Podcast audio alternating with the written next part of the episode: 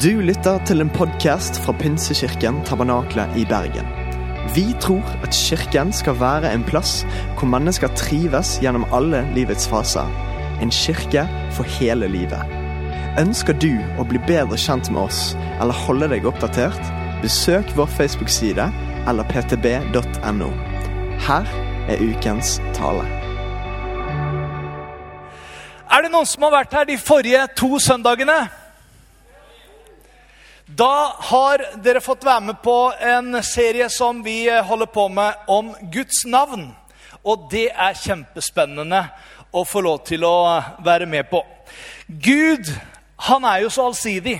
Og hvis du har vært her de tidligere søndagene, så har du fått høre noen av de navnene som Gud har, og som sier også noe om Guds personlighet. Fordi Gud han har åpenbart seg gjennom historien på forskjellige måter til forskjellige mennesker, til forskjellige folkeslag. Og I Hans ord så kan du lese om nettopp dette. De forskjellige navnene på Gud viser oss som mennesker også noe om Guds natur, hvordan Gud er, hvordan han har vært opp gjennom tidene. Sandra Hoe starta fresht her for to søndager siden og snakka om Gud som 'jeg er'. Og Det er et litt spesielt navn å si. Ja, hva heter du? 'Jeg er'. Mm. Ja, men hva heter du? 'Jeg er'. Ja, men er det et navn? Ja. Og det er et fantastisk navn. For det handler om at Gud han er fra evighet og til evighet. Det er ikke en Gud som var, som vi tror på. Det er ikke en eller annen Gud som en gang kommer. Men Gud han er i går, han er i dag, og han er også i framtid. Han er en du kan stole på. Og så har vi vært innom navnet Elohim, som betyr at Gud er allmektig. Ingenting er umulig for Gud. Jeremia han spurte en gang skulle noe være for vanskelig for meg. sa Gud til Jeremia. Så hadde han egentlig svart på det allerede før. Nei, sa han. Ingenting er for vanskelig for meg. Gud Elohim. Og så er det et av mine favorittnavn på Gud. Og det er det første barna lærer seg å si, kanskje på hebraisk også. Og du trodde kanskje det var Sverige som hadde funnet på dette navnet, men det er faktisk Gud som har funnet på det. Abba. Ja, Abba det betyr rett og slett bare pappa. Det er så deilig. Så kan det være at du ikke har det bildet av pappa på en sånn god måte. Men da er jeg glad for å fortelle deg at Bibelen snakker om den pappa som den rette far for alt som kalles barn. Altså Er det en modell for pappa som vi kan liksom se opp til, så er det Gud som ønsker å være vår far. Og Lurer på hvordan det er, så kan du lese i eh, Lukas kapittel 15 om den sønnen som kommer hjem til far. Og far bare løper han i armene, kysser han, lukta gris i jorden og hadde ødelagt hele livet sitt. Men han var så glad for å få han hjem igjen. Og den fortellingen forteller Jesus for å fortelle oss nemlig hvordan Gud som far, eller pappa, er. Det er så mange flotte bilder på Gud. Og har du ikke fått med deg de forrige eh, bildene av Gud de to foregående søndag, så kan du gå inn på hjemmesida vår og så kan du laste ned podkasten for de to forrige gudstjenestene. Eller tre forrige gudstjenestene, for det var en for to uker siden, og så var det to forskjellige navn forrige søndag. Og i dag så skal vi snakke om et annet navn på Gud. Og det er Jehova Jireh. Jehova Jireh betyr, som Sandra sa hun allerede var vært innpå, Gud er min forsørger. Men det betyr også, og vi skal se på det mer nærmere, det betyr også Gud som ser. Og Gud som liker at vi ser ham. Alle disse navnene handler nettopp dette navnet Jehova Jireh. Gud han som er min forsørger. Og For å forstå dette bildet bedre så har jeg lyst til å ta deg inn i en historie som er kanskje en av de litt tøffe, vanskelige historiene å forstå i Gamle Testamentet, men samtidig var der som han åpenbarte seg nettopp som den Gud som både ser, som ønsker å se oss, og som ønsker å forsørge oss. Bli med meg i historien til en som heter Abraham. Ja, Han heter Abraham. Han var fra Ur i Kaldea, i Babylonia, i det gamle riket. I dag så ville det være en del av Irak, eh, akkurat dette området. Det var en eh, ganske stor by, allerede fremkommen by, denne Ur.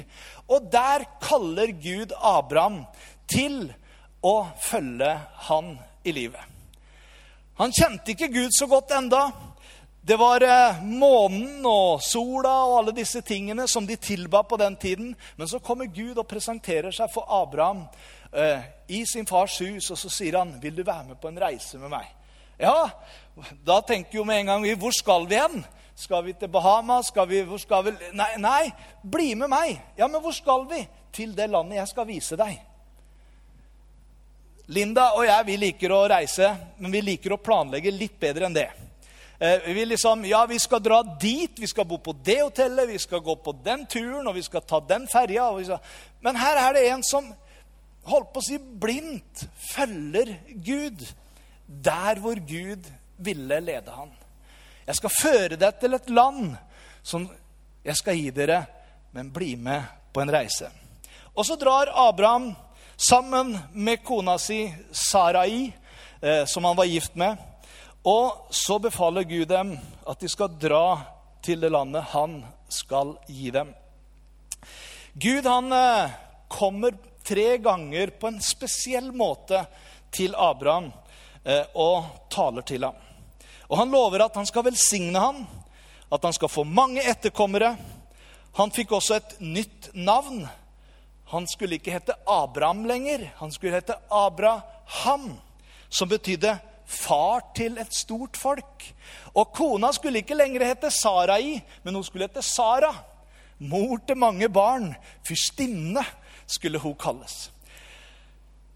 Gud lovet Abraham og Sara at de skulle føde en sønn, og at hans etterkommere skulle bli så tallrike som stjernene på himmelen, ja, som sandkornene på stranda, skulle hans etterkommere bli. Og han lovet at han skulle, de skulle bo i det landet som han skulle gi dem.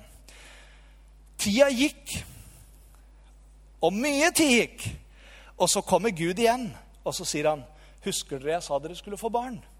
Nå, om ett år, skal dere få barn. Da lo begge to. Fordi de hadde snart blitt 100 år, begge to. Og liksom, Barn skal man jo liksom planlegge litt før det. Men Abraham var allerede oppe i 100 år, og Sara var over 90 når Gud kommer.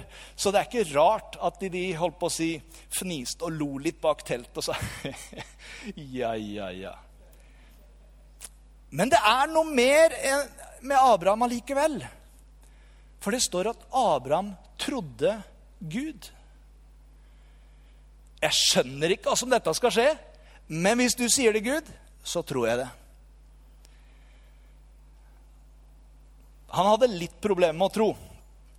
Det skal sies. Han tenkte kanskje jeg får hjelpe Gud litt. Jeg vet ikke om du har tenkt det der noen gang, at jeg får hjelpe Gud litt når det ikke liksom går like fort som vi tenker. Så han prøvde seg på en liten holdt på å si en spansk en, men det skal man jo ikke si eh, i den sammenhengen. Men eh, det var sånn at eh, han tenkte at ja, men det kan jo ikke skje på en naturlig måte, at Sara er for gammel. Og Sara tenkte det samme og sa at jeg har en tjenerkvinne her. Eh, jeg tenker at du får legge deg med henne, og så får dere få barn sammen. Så får hun føde på mine eh, knær, og så blir det vårt barn. Det er aldri lurt å prøve å hjelpe Gud når Gud har lovt at han skal gjøre noe. Men Gud, han forsørga dem likevel. Men år etter, så Gud kom igjen til dem, så får de en sønn.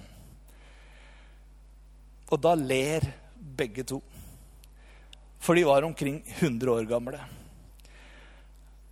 Og Isak ble født. Og Isak betyr egentlig latter. Eller Gud har latt meg le. Det er det Isak betyr. La oss gå litt videre inn i historien, og la oss lese litt der hvor dette navnet på Gud kommer inn. For det er her nemlig dette navnet blir presentert for oss. Og Vi går til første Mosebok, kapittel 22, og du vil se det på skjermene her. En tid etter dette hadde hendt, satte Gud Abraham på prøve.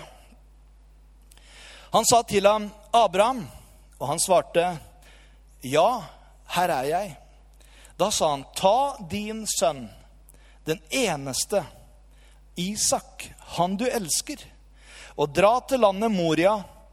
Der skal du ofre ham som brennoffer på et, et av fjellene. Jeg skal fortelle deg hvilke. Det er nesten surrealistisk. Det er litt sånn rart, hele denne historien her. Det er vanskelig å forstå av historien hvordan Abraham rett og slett bare kunne adlyde Gud. Ikke diskutere med Gud, men pakke det som skulle til. Si til Isak nå skal vi på en tur sammen, og så drar de av gårde. Villig til å ofre sønnen sin helt uten protester. Vi får ingen forklaring på det. Men tidligere i fortellingen om Abraham så står det at Abraham trodde Gud, stolte på Gud. Og derfor så ble han også regnet til rettferdighet. Abraham og Isak de er på vei opp den siste bakken opp til Moriafjellet. Isak bærer veden, og faren har den triste byrden av å bære ilden og kniven. Så står det videre i vers 7.: Da sa Isak til sin far Abraham, du far. Og han svarte, ja, sønnen min. Han sa, se, her er ilden og veden, men hvor er brennofferlammet? Det var jo sånn at Hver gang de skulle ofre et takkeoffer for Gud, et gaveoffer, eller var, var, glad, sånn som vi får lov til å være med med våre midler, så var det vanlig at de tok det beste av lammet og ofra til Gud som takkeoffer for Gud. Det var han vant med, Isak. Men det var noe rart denne gangen, for veden var der, ilden var der, kniven var der, men det var ikke noe lam der. Så det var et helt naturlig spørsmål. Og Abraham svarte, Gud vil selv se seg ut et brennofferland sønnen min. Og så gikk de sammen, de to. Skriften forteller ikke mange detaljer om Abrahams eller Isaks private tanker eller følelser idet de går de siste skrittene opp i denne historien. Men så står det videre fra vers 9. Da de kom til stedet Gud hadde sagt, bygde Abraham et alter der og la veden til rette. Så bandt han Isak, sønnen sin, og la ham på alteret oppå veden. Og Abraham rakte ut hånden, tok kniven for å slakte sønnen sin. Men Herrens engel ropte til ham fra himmelen og sa, 'Abraham! Abraham!' Og han svarte, 'Ja, her er jeg.' Han sa, Legg ikke hånden på gutten, og gjør han ikke noe. For nå vet jeg at du frykter Gud, siden du ikke har spart din eneste sønn for meg. Da Abraham så opp, fikk han øye på en vær som hang fast etter hornene i et kratt like bak ham. Abraham gikk bort, tok væren og ofret den som brennoffer istedenfor sønnen sin. Abraham kalte dette stedet Jehova Jireh. Herren ser. Og den dagen i dag blir det sagt på det fjellet hvor Herren lar seg se. Da denne saken med offeret ble løst, og han så tilbake på det og tenkte på hvordan hans ord hadde gått i oppfyllelse, langt utover hans forventning på at Gud vil se seg ut et offerlam, sønnen min, så var det noe spesielt som skjedde. Abraham han adlød Gud på tross av at han ikke skjønte hva er det du vil med dette, Gud? Hvilken prøve er det du vil sette meg ut i nå? Men Gud, han ønska bare å se at Abraham var helt og holdent overgitt og stolte på ham. Gud ønska ikke å ta livet til Isak, men han ville vite hvor er ditt hjerte, Abraham. Fordi Isak var jo det beste som kunne skjedd. Isak, han var liksom blitt det store. Men allikevel så hadde Abraham i sitt hjerte Gud først. Og jeg tenker at det er en lekse for oss også. Hvor er våre verdier? Hvor har vi de største verdiene i livet vårt? Gud han ønsker at vi skal få lov til å ha Han i førsteplass av våre liv. Og han ønsker å velsigne oss på samme måte som han gjorde med Abraham. I Hebreerne 11 så forteller det oss at Abraham han handlet i tro på at Gud ville oppreise Isak. Han adlød i troen på at Gud ville sørge for et mirakel på en eller annen måte. Og det gjorde Gud. Og I Hebreerne 11 leser vi fra vers 17.: I tro bar Abraham fram Isak som offer da han ble satt på prøve. Sin eneste sønn var han villig til å ofre, enda han hadde fått løftene. Hvilke løfter? I Isak skal jeg gjøre til en stor nasjon. Det hadde Gud sagt. Han hadde masse løfter om Isak som han hadde i sitt hjerte. Og han tenkte, Gud, jeg aner ikke hvordan du skal gjøre det. I verste fall så får du reise han opp igjen fra de døde. Fordi du har lovt, og jeg stoler på deg. Jeg tror på deg at det du lover, det holder du. Og det er det du ser her også. Gjennom Isak skal du få en ett som skal kalles din. Han regnet med at Gud har makt til å vekke opp døde. Derfor fikk han sønnen tilbake. I dette ligger et forbilde. Tenk på det ordet der. Betydningen av navnet Jehova Jireh. Abraham kaller dette stedet Herren, forsørgeren. Herren vil forsørge. Herren vil gi meg det jeg trenger liker ordet på engelsk. Der står det 'provide'. Det er å sørge for. Han vil sørge for oss. Han vil sørge for at vi skal få det vi trenger, og alltid vil ha det vi trenger. Og ordet er rikere enn hva vårt språk kan uttrykke. Forsørge på hebraisk det kan også bety å se etter. Som eh, ligner på navnet en kvinne som heter Hagar, kaller Herren i første Mosebok. Hagar var denne kvinnen jeg fortalte om i stad, som ble mor til Ismael, som eh, Abraham tenkte det var sånn det skulle skje.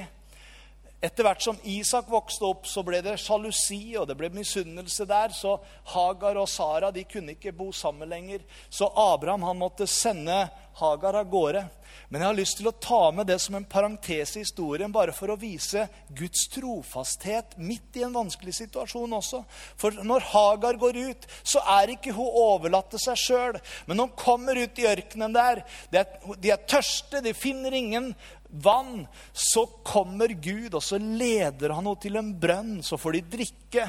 Så gir han dette vannet til Ismael, og så lover Gud at han skal være med dem.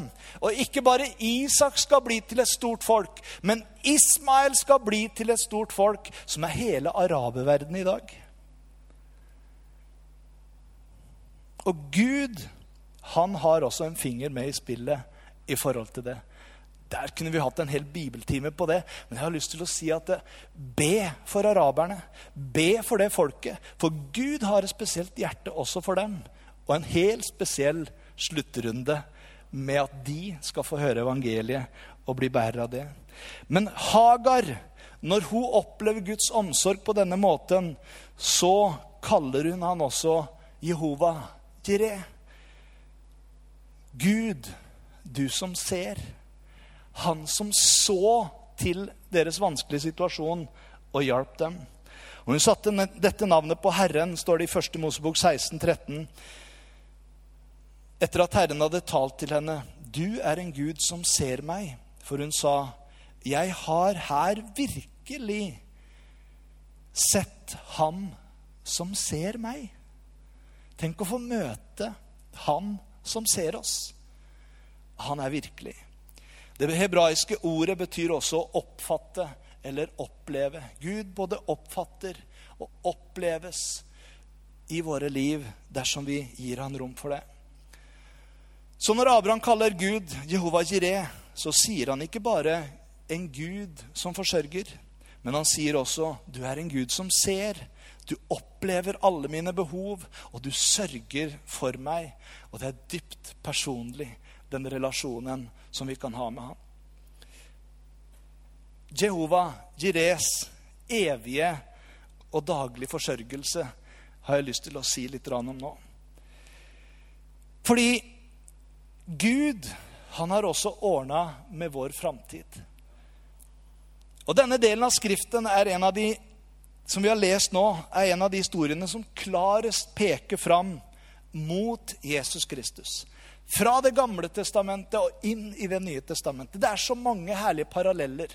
Vi leste i Hebreerne at her er det et forbilde. Legg merke til det som skjer her, for det er forbildet på noe annet som kommer til å skje. Gud selv skal sørge for offerlammet, sa Abraham. Og det gjorde han. Jeg vet ikke om Abraham skjønte der og da at han profeterte fram mot noe som skulle komme en del år lengre fram. Men Gud selv sørget for at de ble et offerlam som kunne sone all verdens synd. Og det lammet, det var hans egen sønn. Gud sparte Abraham for å ofre sin egen sønn, men han sparte altså ikke sin egen sønn, men ga han som en soneoffer for alle oss fordi alle hadde syndet og ikke kunne komme i kontakt med Gud, så gjorde Gud det på denne måten. Døperen Johannes, som var en forløper til Kristus, han sier det på denne måten når han ser Jesus komme. Se der Guds lam som tar bort verdens synd. Det var forbilder fra Det gamle testamentet. Og nå kom han, verdens frelser. Hadde Gud funnet en annen måte å sone vår synd på, så er jeg sikker på han hadde gjort det. Men det fantes ingen annen vei. Og heller ikke da Jesus i dødsangst ropte til sin far om det var mulig at han kunne slippe denne straffen, så sier han heldigvis, men ikke la det skje min vilje, men din vilje, Gud.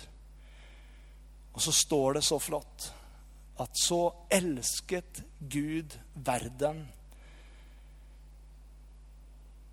at han ga sin sønn, den enbårne, for at hver den som tror på ham, ikke skal gå fortapt, men ha evig liv. Og denne utrolige gaven, sin sønn for oss, var vår redning.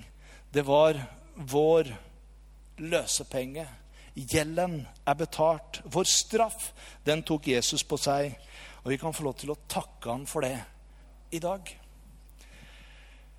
Jehova Jireh, han ga oss frelsen. Han ga oss et evig liv sammen med han. Men han er også opptatt av våre timelige og daglige behov. Sandra nevnte noen av dem her, og vi har flere opplevd hvordan Gud har sørga for oss i de helt spesielle tidene i livet. Personlig husker jeg det var snakk om studenter. og kanskje man, Skal man gi tiende når man er student? Skal man ikke gi tiende? Altså, jeg tenker, Av og til så tester Gud oss på vår trofasthet til ham. Hvor har du din sikkerhet? Er den i meg, eller er den i det du har? Og Jeg husker at jeg hadde dratt på en misjonskonferanse i Hønefoss. Jeg var eh, nettopp dratt på, eh, på Hedmartoppen, på folkehøyskole der. Jeg gikk medialinje, men jeg hang en del sammen med Bibel og misjon. Og de skulle på misjonskonferanse i Hønefoss, og jeg dro dit. Hadde ikke så mye penger, men jeg hang meg på. Jeg hadde akkurat 200 kroner til bussen tilbake igjen til Hamar etter at vi hadde vært på konferanse. Og på den konferansen der så var det et svært kor fra Russland som var der og sang. Og det var de tider der hvor de, altså de var utrolig fattige. De kom fra et fattige kår, disse som var der.